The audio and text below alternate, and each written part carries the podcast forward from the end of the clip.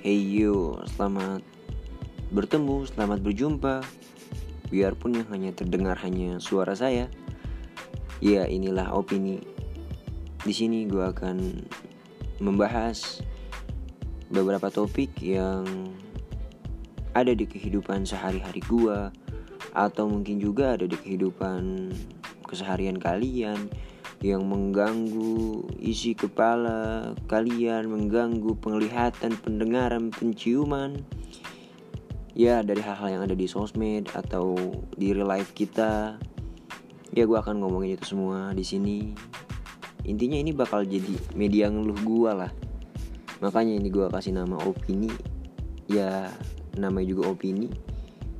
Bisa jadi salah, bisa jadi juga tidak benar. Ya pokoknya selamat mendengarkan